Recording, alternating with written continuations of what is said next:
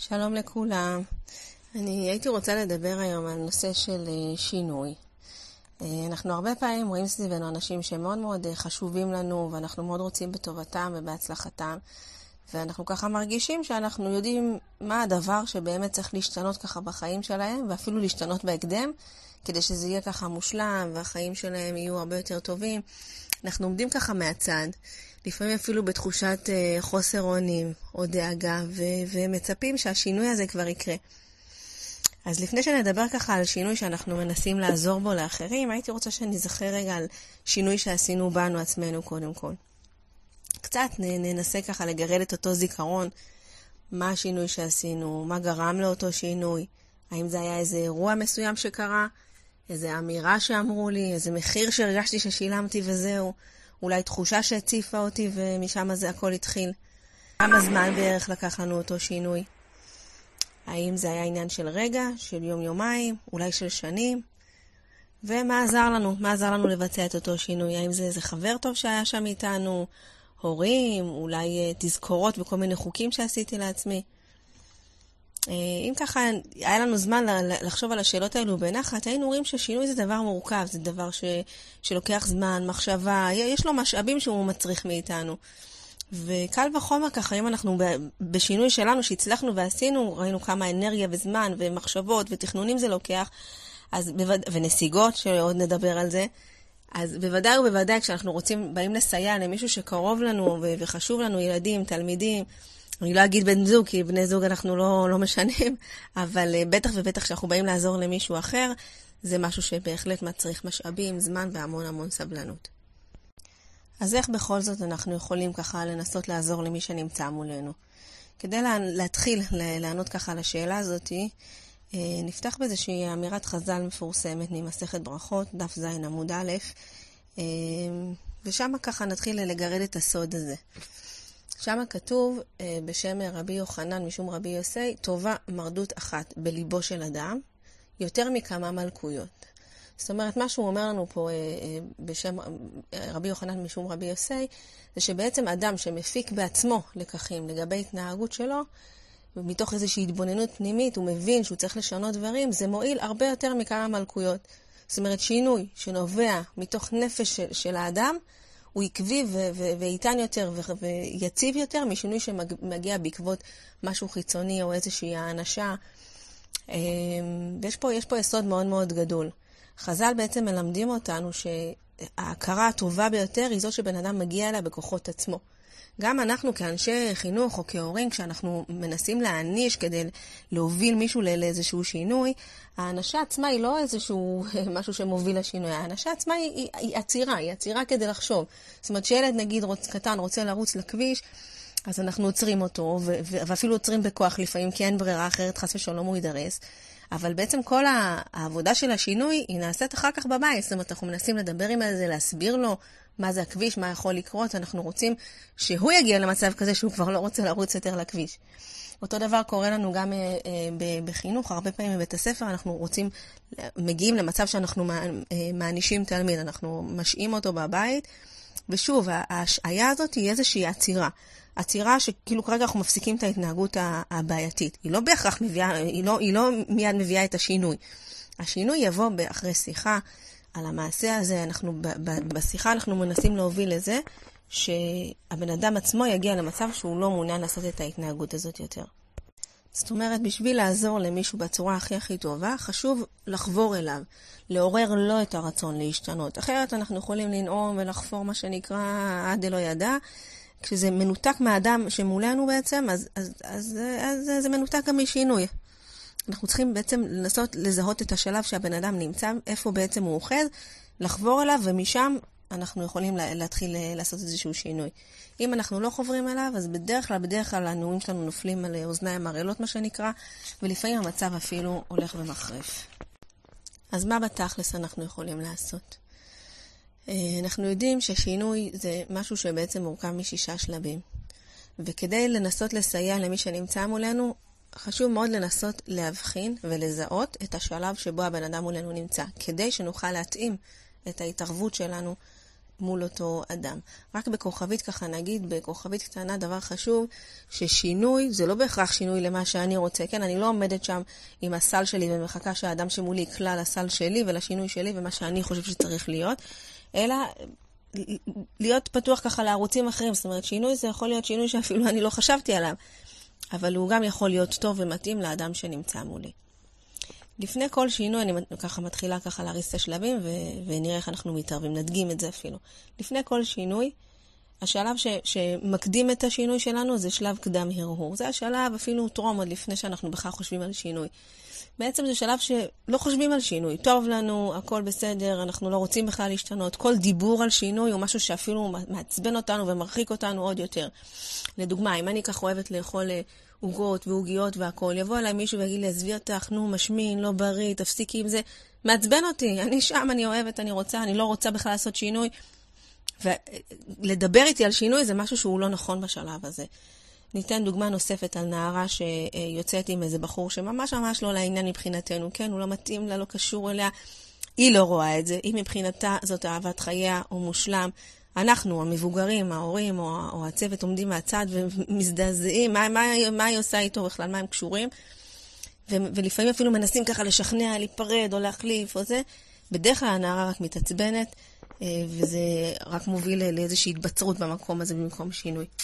בשלב הזה ההתערבות שהכי מתאימה היא כמובן לא, לא לנסות לשנות, כי אותה נערה תחשוב שאנחנו רק מנסים להרוס לה, אלא בשלב הזה היינו משקיעים ב- ביצירת הקשר עם האדם שמולנו. עצם זה שמתקיים בינינו איזשהו שיח, שאנחנו פתוחים לשאול שאלות, לשמוע תשובות קול, תשובות, גם תשובות שכרגע פחות מוצאות חן בעינינו.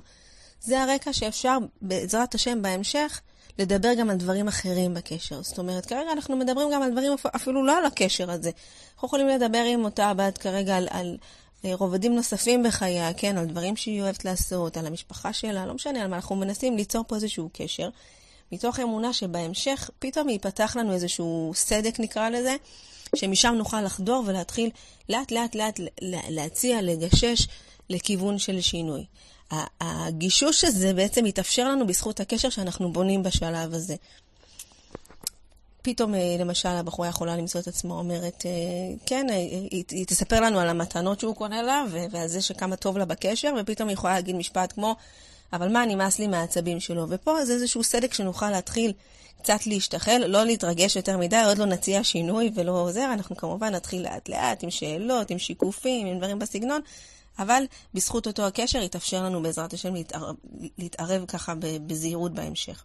השלב השני, השלב הבא של, של שינוי זה שלב הערעור. זאת אומרת, כאן כבר יש איזה שהם... אה, משהו מתערער לי ואני כבר רוצה, מציק לי, מטריד אותי משהו, אני כבר רוצה לעשות איזשהו שינוי.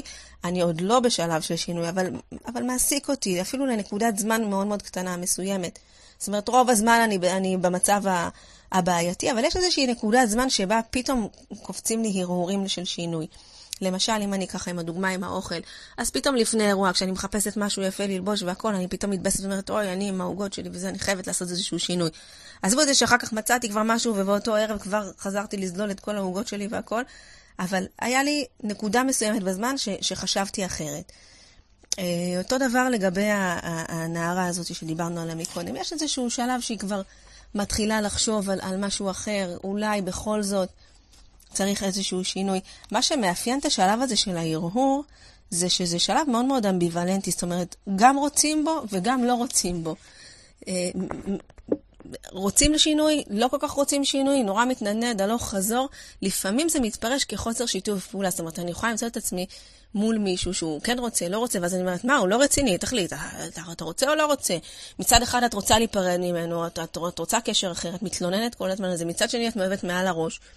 ויש פה משהו שהוא ככה מאוד מאוד אמביוולנטי, והוא מה שמאפיין את השלב הזה. מה שבשלב הזה ככה מאוד אה, אה נכון לעשות, זה, נדרש לעשות, זה להישאר שם עם האמביוולנטיות הזאת, לשקף אותה, לסייע בחשיבה, בחשיבה מה כן טוב בקשר, מה את כן אוהבת בקשר, מה את מרוויחה בקשר הזה. אה, את רוצה להיות בזוגיות או שאת רוצה להיות דווקא עם הבן אדם הזה? אה, רווחים זה יכול להיות כסף, תשומת לב, כמובן לא, לא בשיפוטיות, אבל אנחנו לא הולכים לכיוון הזה, אבל אנחנו רוצים לשמוע מה, מה יש שם. מצד שני, גם מה, מה חסר לה שם, כי יש גם את הצד שגורם לה לחשוב על, על ניתוק. אבל לא לשכוח את הצד הראשון, לא למהר עם מה שנמאס לה. לא להישאב ישר לחסרונות ול... ול... ל... טוב, אז יאללה, בוא נלך לפתרון שניפרד וזהו ונגמר. אנחנו לא שם, יש את הצד שהוא, שהוא עדיין עדיין מעוניין בקשר, ואנחנו מאוד מאוד בחוכמה צריכים לעורר לחשיבה, אה, להיות ככה במקום של חמלה לבחירות שהיו, לשקף, כן, רצית קרבה עם אותו עורך, עד, עד אותו הריב היה לך בסדר ונעים, ופתאום קרה משהו. להישאר עם האמביוולנטיות הזאת. השלב הבא זה שלב שכבר יש לנו החלטה. החלטנו לעשות שינוי, זהו, עד כאן, יש לנו תוכנית. אנחנו הצהרנו בפני כולם, הצהרנו כוונות, הכרזנו שאנחנו הולכים, זהו, ממחר, אין יותר עוגות. אה, עדכנו בוואטסאפ, לא, בבקשה, לא להכין לנו עוגות, נגמר העוגות. יש לנו כל מיני הכנות טכניות לשינוי הזה, כן? פינינו לזה זמן, עשינו בירורים, התחלנו לקרוא למאכלים אה, טבעוניים. אה, אה, אולי אפילו ככה חשבנו על תוכנית יותר מפורטת, כן? אני, אני כבר יודעת הרי מה התוצאה הרצויה. אז אני מתחילה להכין איזושהי מערכת תמיכה, אולי חברה טובה שתרחיק ממני את העוגות, אולי זה תגמולים, כאילו על כל יום שיעבור בלי, בלי עוגה, אז מה אני אתן לעצמי? אולי אני אוכל לפני אירוע כדי שאני לא אעבור רעבה ואתחיל לנשנש. במקרה שככה, של הנערה שלנו, אנחנו חושבים איתה ביחד, היא כבר הרי יודעת שהיא רוצה לסיים את הקשר, אנחנו חושבים איתה ביחד מה יעזור לה. מה יעזור לה לבצע את אותו שינוי? הרי היא כבר רוצה את השינוי הזה. אז איזה חסמים היו עד עכשיו שבעצם חסמו את השינוי ואנחנו יכולים, איך נתגבר עליהם? איזה תגמולים ניתן לעצמנו אחרי שזה יצליח? אולי ככה ברמה הטכנית לחשוב על, על, על חסימה, אולי לחשוב על איך להיפרד, אולי לחשוב איך נמלא את הזמן עכשיו עם חברה אחרת או, או עם קשר אחר. אה, זהו, זה לשלב הזה. השלב הבא זה הפעולה עצמה. בעצם השינוי עצמו ממשית, לא תכנונים ולא מחשבות ולא הצהרות, אלא השינוי עצמו, הפעולה הממשית. זאת אומרת, אני מפסיקה לעשות X, מתחילה לעשות Y. הפסקתי לאכול עוגות, זהו, אני מתחילה להתעלם מהם או לקחת פרי במקומם, ונגמרה ההתנהגות שאני בעצם רציתי לשנות אותה. במקרה של הנערה שלנו, היא מנתקת את הקשר, זה שלב שמאיתנו, מהמלווים, מצריך הרבה הרבה תמיכה, הרבה הרבה עידוד, הרבה הרבה הקשבה. אה, להיות שם, מה שנקרא עמו אנוכי בצרה. להיות שם איתם והמון המון עידוד זה משהו שבמיוחד אה, לקראת השלב האחרון של שינוי הוא משהו שמאוד מאוד נצרך.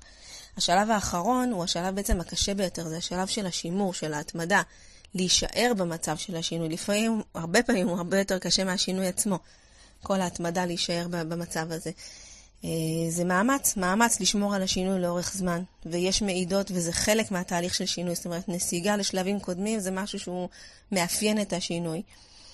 אה, זה ידוע ככה שבשינוי עושים כמה סיבובים עד שזה מתחיל להתקבע ולהתייצב והופך לקבע, כן, אנחנו מדברים פה על משהו אה, אה, ספירלי שלפעמים לוקח לנו שנים לעשות אותו.